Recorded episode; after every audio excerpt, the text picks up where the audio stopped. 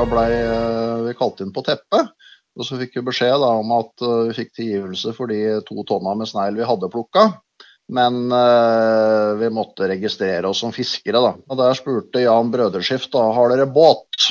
Uh, det hadde vi jo da ikke, så jeg skrev en lang søknad da hvor eh, vi skulle få et godkjent uh, Tuglife, det var fenderen til Mathias, som fiskebåt. Når kom sånn ca. midt i april, da, så fikk vi brev, brev fra Fiskeridirektoratet om at søknaden om å få godkjent Tuglife som fiskebåt, den var avslått. Men vi fikk dispensasjon, vi kunne være fisker uten båt. Det er ikke få tonn de ti trønderen i Statsneil har plukket på grunt vann utenfor Fosen. Høye priser balanserer mot byråkrati, vern og kronglete eksport. Jeg heter Kjetil Svendsen, og dette er Tekfisk, podkasten om teknologi og forskning i sjømatnæringen. Nå skal du få møte gründer og styreleder Jon Erik Brennvall i Statsneil. Jon Erik Brennvall, hva får sindige trøndere til å henge i vannskorpen og plukke snegler? Det starta med at eh, jeg ble arbeidsledig i, eh, i 2015. Eh, og fikk tre måneders oppsigelsestid som jeg egentlig kunne bruke som jeg ville. Eh, og så var jo spørsmålet hva man skulle prøve på da. og eh, Da var det jo oljekrise, litt sånn som nå. Vanskelig å få seg jobb. Og så tenkte jeg da at jeg skulle forfølge en forretningsidé på å plukke strandsnegl, som jeg hadde jobba med noen år da. Jeg kan jo si at jeg har vært gründer hele mitt liv, og at jeg har eller på det tidspunktet da hadde eh, to tidligere oppstart bak meg på elektriske motorer. Fra elektriske motorer til strandsneil, hvordan kom du inn på det? Det er jo interesse for uh, fridykking. da, At jeg har vært med og spilt undervannsrugby og uh, vært med i dykkergruppa NTNUI. Uh, og at vi har vært på turer ute langs kysten da. og Så har, vi, har man svømt litt, og så har man sett på havbunnen. Og så er det tre arter du ser veldig, veldig mye av. Det er grønn kråkebolle, Eh, og det er eh, strandsnegl, og så er det ei lita svart slangestjerne som eh, dekker havbunnen fullstendig enkelte steder. Og så var jeg på kråkebolleseminar i Lofoten i, i 2013 og lærte litt om kråkeboller. Bl.a. litt om hvor vanskelig det var å holde dem i live, og, og hvordan det varierte med kvalitet på gonadene osv. Så eh, da valgte vi strandsnegl da når, vi, når, når, jeg skulle begynne å høste. Så øh, høsten øh, 2015 så lå jeg campingvogn ute på Valset. Uh, så var jeg ute da og uh, plukka strandsnegl. Uh, hver fjerde. Det er fjerde to ganger i døgnet. I fridykkerutstyr. og testa utstyr og og eh, sjekket at metodene fungerte, og regna på hvor mye uh, strandsnegl jeg kunne plukke. Uh, og Det var jo det interessante, da, for det at uh, vi kom fram til at vi kunne plukke ca. 20 kg per time. og Da hadde vi funnet en kunde i Frankrike med hjelp fra Innovasjon Norge, Roscoff, Eh, og uh, han uh, ville kjøpe snegl for seks euro kiloen, var det vel da rett før jul. da regna jeg fort ut da, at når jeg lå og plukka, så hadde jeg timelønn på 1500 kroner timen. og det er jo lovende. og det går det an å gjøre business av. Så, så kom jeg i kontakt med Nerius, da, som uh, eh, jobba på gården til Ove, der jeg hadde campingvogna. Uh, han sa han kunne skaffe folk som var interessert i, oss, interessert i en sånn jobb. Uh, ligge i sjøen og plukke strandsnegl eller fridykkerutstyr. Ja, for i, i dag er dere, er dere, ti stykker? I dag er vi ti stykker. Med, eller vi er vel, det varierer litt, da, men sånn cirka ti. Ja, det er med, med plukker og alt, da, og deltid og fulltid og osv. De fleste av oss har jo funnet strandsnegl på stranden, men eh, hvordan foregår plukkingen når du skal, skal plukke så mange kilo i, i, timen? Ja, Det var jo en del av uh, konseptet. Vi har jo patentert ei plukkesele. Uh, og det er uh, I prinsippet så er det bare en ryggsekk du har på magen. I praksis så er det litt mer, litt mer profesjonelt utformet. da. Uh, og Fordelen med den det er at uh, du har på deg fridykkerutstyr, og så tar du på deg plukkeselen. Uh, og Da har du begge tenner fri. og kan legge sneglene så du plukker på et brett som er foran ansiktet. da. Så ser du over brettet hvor sneglene er. Da ligger dere og vaker i overflaten og strekker hendene ut og plukker snegl etter snegl? Du beveger deg relativt lite når du plukker. Eh, du bruker svømmeføttene til å padle langsomt rundt, og så går hendene da, så, så, fort som mulig. Og eh, eh, Da er det jo sånn at eh, i snitt så plukker man eh, ca. ei snegle per sekund. Ja. Og eh, det sier jo også litt om hvor mye snegl det er, da. Uh, ei snegle per sekund. For å få til det, så må jo sneglene være tett i tett i tett. i tett. Uh, og det er de jo veldig mange steder uh, i fjæra i Norge. Ja, for i andre land så er det jo også snegleplukking, men f.eks. i Irland og Skottland, der gjør de det på en litt annen måte? Ja, der går jo folk med bøtte i fjæra og plukker, da. Det er klart, Da får du dårlig arbeidsstilling. ene hånda er opptatt med å flytte bøtta. Eh, og eh, det er i det hele tatt mye tyngre, da. Eh, så, så Vi har jo snakka med en konkurrent i Skottland som heter Aridas. Og han betaler snegleplukkerne det samme som vi gjør, da. Men fordi at vi har plukkesela vår, så vil jo plukkerne tjene betydelig bedre hos oss enn hva de gjør i Skottland og Irland. Ja, Og få raskere store mengder på land. Ikke sant. Vinteren eh, 2015-2016 så forberedte vi jo plukking. Nerus fant folk. Eh, jeg kjøpte fridykkerutstyr. Jeg fikk lagt, lagt opp, eh, eller lagd flere av den plukkeselen vi hadde utvikla. Eh, og så kom jo da Altså, allerede da så var det jo utfordringer med byråkratiet. For det at uh, vi fant jo ut at, uh, at uh, vi måtte ha tillatelse for å plukke snegl. I 2015 så, fikk, så, hadde vi fått tillatelse til å sende snegl ut av landet av Sjømatrådet, var det vel. Og vi trodde vi var home free, men så fikk jo Råfisklaget snusen i hva vi holdt på med, da. Eh, så da ble eh, vi kalt inn på teppet. Og så fikk vi beskjed da, om at eh, vi fikk tilgivelse for de to tonna med snegl vi hadde plukka. Men eh, vi måtte registrere oss som fiskere, da. Eh, og da var det å gå over gangen og snakke med Fiskeridirektoratet. Dette var i Trondheim. Eh, og der spurte Jan Brøderskift da, har dere båt. det hadde vi jo da ikke, for vi gikk ut fra land og plukka strandsnegl i fjæra. Så vi måtte ha båt. Så jeg skrev en lang søknad da, hvor, eh, hvor uh, vi skulle fått godkjent uh, Tugleif, det var fenderen til Mathias, uh, som fiskebåt. Og Den søknaden vandret rundt i systemet, og plukkerne kom i begynnelsen av april, og vi dreiv på med opplæring. Jeg visste fremdeles ikke om vi fikk lov til å ta snegler på land. Men når vi kom sånn ca. midt i april, så fikk vi brev, brev fra Fiskeridirektoratet om at søknaden om å plukke om å få godkjent Tugleif som fiskebåt, den var avslått. Men vi fikk dispensasjon, vi kunne være fisker uten båt. Ja, så det har dere papir på? Det har vi papir på. Vi er fiskere. Så da begynte vi å plukke, da. Og uh, vi hadde fire mann som kom først. Uh, jeg satt på en stein i et par dager og fulgte med. Uh, slik at, og så at svømmeferdighetene bedret seg. Eh, vi holdt selvfølgelig fridykkerkurs for eh, gutta først. Eh, og begynte å plukke, da. Og det var ikke så effektivt som jeg lå i sjøen sjøl, men det blei noen, noen sekker etter hvert. For de som er litt ukjent med hvor dere opererer, dette er på Fosen? Dette er på Fosenhalvøya. Det er rundt kampflybasen der hvor uh, jagerflya er. Og så har dere gjort uh, avtaler med grunneiere om uh, lov til å plukke fra de forskjellige eiendommene? Ja, da har vi gått rundt og snakka med, med, stort sett samtlige grunneiere med strandlinje i Agdenes og Ørland kommune. Og de aller fleste da, de er jo bare hyggelige og syns dette her er morsomt. Så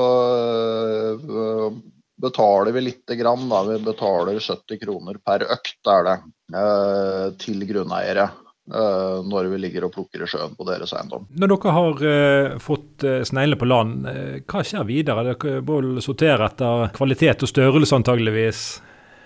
Ja, nei, det var jo litt første året. Vi fikk dårlig pris fordi at vi solgte usortert snegl. Eh, og da sorterte kundene dette sjøl i, i, Frankrike. Eh, men så veit du åssen det er med fiskeoppkjøpere, da, at eh, de liker å, liker å jukse litt. Så, så, vi fant ut da at vi måtte kjøpe, kjøpe oss sorteringsmaskin. Så vi visste hva vi hadde. Da er det tre større, eller flere, da, men eh, det er superjumbo som er de aller største. 150 eh, eller færre på kiloen. Eh, og så har du jumbo som er 180 til 150. Og så har du large da som er 180 til 250 ca. Og så har du medium opp til 350. Og så er det det som er hvis det er flere snegl enn det, da, så er det small eller undersized. Så når vi plukker, da, så plukker vi stort sett bare uh, superjumbo og jumbo. Uh, I fjor så hadde vi vel Jeg tror vi hadde 5% large. Ja. Dette sorterer vi da på en sorteringsmaskin. Det er rister Eh, med forskjellig avstand mellom stengene. 16 eh, mm og 13 mm og 12 mm. Uh, og da heller vi sneglene på ristene, og så vibrerer dette her. Og så beveger da sneglene seg nedover, og de som er mindre enn riststørrelsen, de faller jo da gjennom. og det er sånn vi sorterer, da. Og snegleplukking, det er jo levende fangst? Det er levende, eh, og det transporteres jo levende. For dere slipper jo eh, videre bearbeiding? Ja da, det er muligheter for det. Eh, det som er utfordringen, er jo å få omsetning, selvfølgelig. Når du driver business i Norge, så er det så mye å forholde seg til. Du har jo regnskap og revisjon, og du har toll og Når du eksporterer, så Altså, først er det 2% eksportavgift ut av Norge. Eh, og Så må du ha en agent for å få betalt inn de 2 og Han tar 500, fem, han tar, uh, 500 kroner per forsendelse. Så det er en del sånt. da, og Det betyr at uh, å drive en business av den typen her, så må du opp i en omsetning på 7-8 millioner Eh, per år før det går rundt. Eh, og Så blir det jo veldig lønnsomt da etter hvert som eh, det skalerer. Det som er litt av utfordringen vår, da, det er at i våre områder så kan vi høste 35-40 tonn per år. Det er det gjenveksten er på de eiendommene hvor vi har fått tillatelse til å plukke. Og hvis vi skal plukke mer, da, så må vi strekke oss utover større del av kysten. Uh, og det er vanskelig, for da blir det, blir det lang, lang, transportvei. Men uh, hvis man får opp volumet, så kan det bli veldig lønnsomt. I dag så har dere jo kunder i matglade nasjoner som Frankrike. Hva er grunnen til at strandsnegler fra nord er ettertraktede? Det er kvalitet Eh, først og fremst. Eh, her oppe så er det ikke plukka før, og det betyr at vi har store, fine snegler. Eh, og så er det jo plukkemetoden vår. Vi ligger jo i sjøen og plukker. Vi har ansatte som plukker og som har instruksjoner om hvordan de skal ta vare på sneglene. Og det gjør at når vi sender snegl til Frankrike, så har vi relativt lite dødelighet da, sammenligna med snegl fra Irland og Skottland. Det som er greia med strandsnegl, det er at uh, de har hus, og så har de uh, et skjold som de trekker foran døra i huset sitt når det blir tørrlagt. Uh, så det gjør da at strandsnegl greier seg veldig bra i 14 dager på kjøl. Ja, det holder i massevis når du sender, sender ting til Frankrike. Eh, med kjølebil. Når du kommer fram der, da, så, så uh, åpner de sekkene. og Så heller de sneglene i grunne basseng, og så setter de vertikale plater da, uh, oppå sneglene. Og de sneglene som er i live, de vil jo da begynne å krype oppover platene. Dette kalles å klatre snegl. Og uh, da er det noe som går og, løfter platene ut av uh, karene. Og så banker de av sneglene, og så setter de tilbake igjen oppi da. Og de sneglene som da har klatra, de vil jo da bli pakka og sendt til fiskemarkedene eller direkte til restaurantene. Og det at sneglen i seg sjøl er lagd for å tørrlegges, og også er veldig robust. Han er jo lagd for å tåle ferskvann.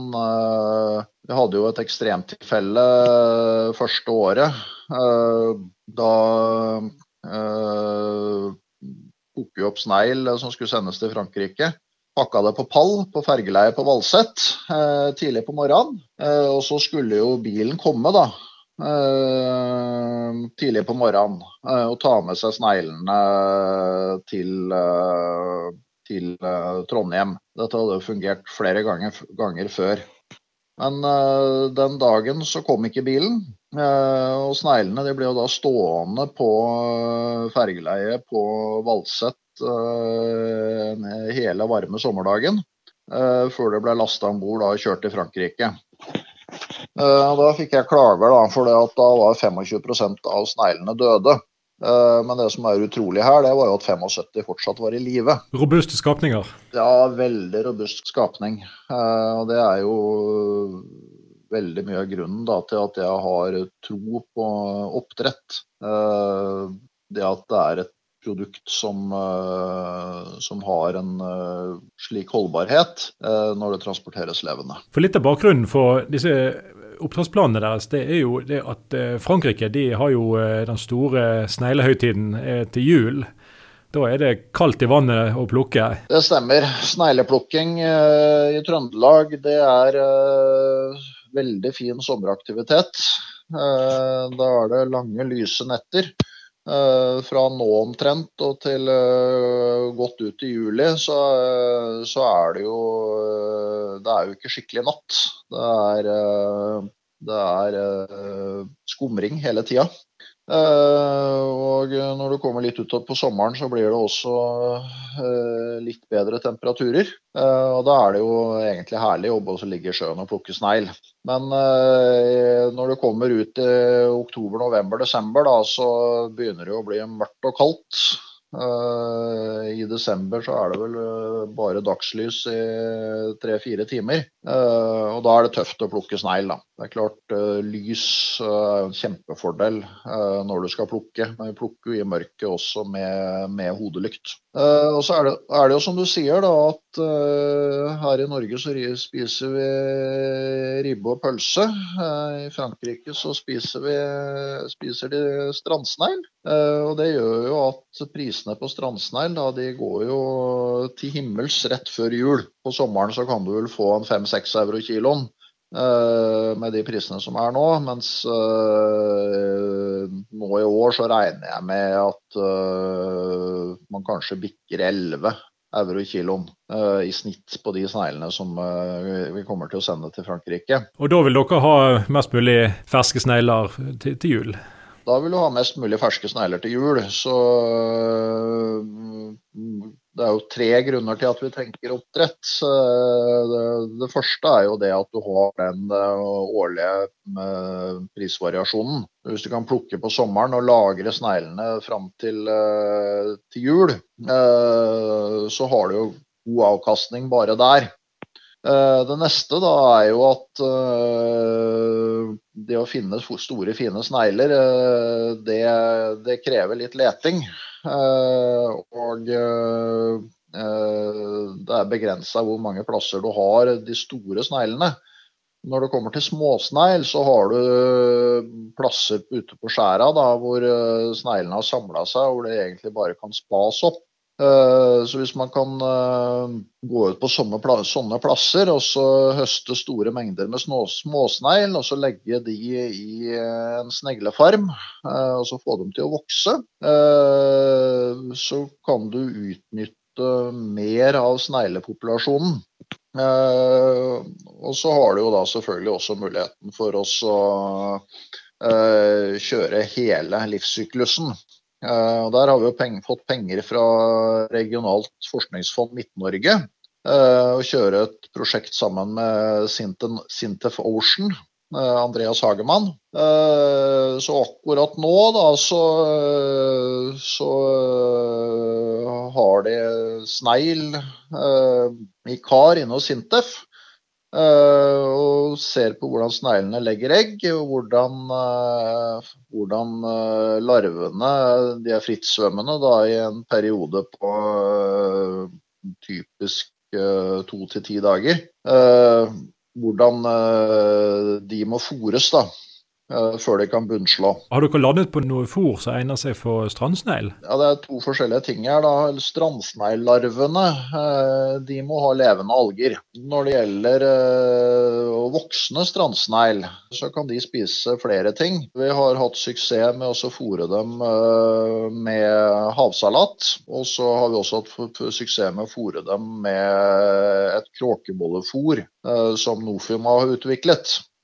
Så, eh, så uh, utfordringene rundt fôr er ikke løst da, for strandsnegl, men det er jo veldig spennende at, at fôret vokser i tanken naturlig. det er jo slik at Hvis du lar saltvann renne over en flate som er eksponert for sollys, så vil det jo gro grønne alger på den flata. Uh, og de grønne algene, det er jo snadder for uh, strandsnegl. Det du ser i et kar med, hvor du har strandsnegl, det er at innsiden av karet det er helt rein. For der har sneglene beita. Mens der det renner over kanten, da, der gror det som bare det. Men selve konseptet for rasanlegget, det har dere tenkt ut? Der jobber vi fortsatt. Mesteparten er på plass. Eh, vi hadde møte, møte med Protan i dag eh, angående å lage eh, tanker i duk. Så vi ser for oss enkle konstruksjoner da, hvor vi rett og slett snekrer ei treramme. Og så lager, legger en presenning oppi. Og så får et basseng da, som er, er typisk 30 cm høyt. Og så har vi 10 cm med vann oppi der, og så strandsnegl som kryper på bånn. Det er jo mer eller mindre strandsneglens naturlige habitat. Dette er jo et uh, lite og enkelt anlegg, men uh, jeg forstår det sånn at det, det, koster å dyppe tåen i havbruk? Ja, uh, det koster igjen, da. Det er veldig mye utfordringer i forhold til å starte. Eh, med nye arter. Eh, og Det er jo sammenheng med at eh, regelverket for oppdrett det er jo rigga for laks. Så du må Først så må du gjøre en strømmåling. Det Koster typisk 25 000. Og så må du jo ta jobben med å skrive en søknad, og så er det 12 000 for å levere inn søknaden. Eh, og når du har kommet litt ut i prosessen, så, eh, så må det tinglyses at eh, du tenker å starte med oppdrett. Og da, da ryker 18 000. Og så når du er nesten i mål og tror du skal få søknaden innvilget, så, så kommer Miljødirektoratet med en liten regning på 33 000 for oss å ha sett på søknaden. Og hele prosessen da, den tar var eh, ja, typisk eh, Jeg tror vi brukte ti måneder. De sier fra åtte måneder til et år er vanlig. Så du skal ha god tid og godt med penger og tålmodighet eh, for å komme deg gjennom søknadsprosessen. Det er klart, etter at du er i mål der, da, så står jo Innovasjon Norge med åpne armer og innvilger støtte på 1,6 millioner kroner. Så sånn i det store og hele så er det vel greit. Ja, det, så, det, så det, det, er offentlige tilskuddsordninger som kommer dere til gode? Ja, det kommer oss til gode, men uh, du må uh, Med oppdrett, da, uh, så får du ikke noe støtte fra Innovasjon Norge før etter at søknaden er innvilget. når det gjelder nye arter. Så du bør ha troa på det du driver med, og det som er det interessante med Statsnell AS, da, det er jo at vi har jo, vi jo fiska og solgt uh, 40-50 tonn hvert år siden 2016. så vi veit jo at markedet er der. Vi veit jo hvilke priser de kan få. Og den markedsmessige risikoen den er jo i stor grad tatt vekk fra prosjektet. Dette er jo et spesielt prosjekt da, hvor uh, all risikoen er uh, teknisk. Uh, at vi greier å få sneglene til å vokse i fornuftig hastighet. og at de har en tilsvarende kvalitet som det snegl vi plukker i det fri har. Da. Men hvis vi får til dette så ifølge tall fra FAO da, så blei det, ble det omsatt ca. 8000 tonn med strandsnegl uh, i Europa i 1996. Og uh, i dag uh, så sier tilsvarende tall at det blir omsatt 1500 til 2000 tonn. Og hva som er årsaken til det, det, er vanskelig å si. Jeg tror ikke det er overfiske. Jeg tror nok heller det er mer at det har blitt reguleringer som gjør at veldig mange har slutta å plukke strandsnegl. og at det blir produsert vesentlig mindre strandsnegl nå pga. det.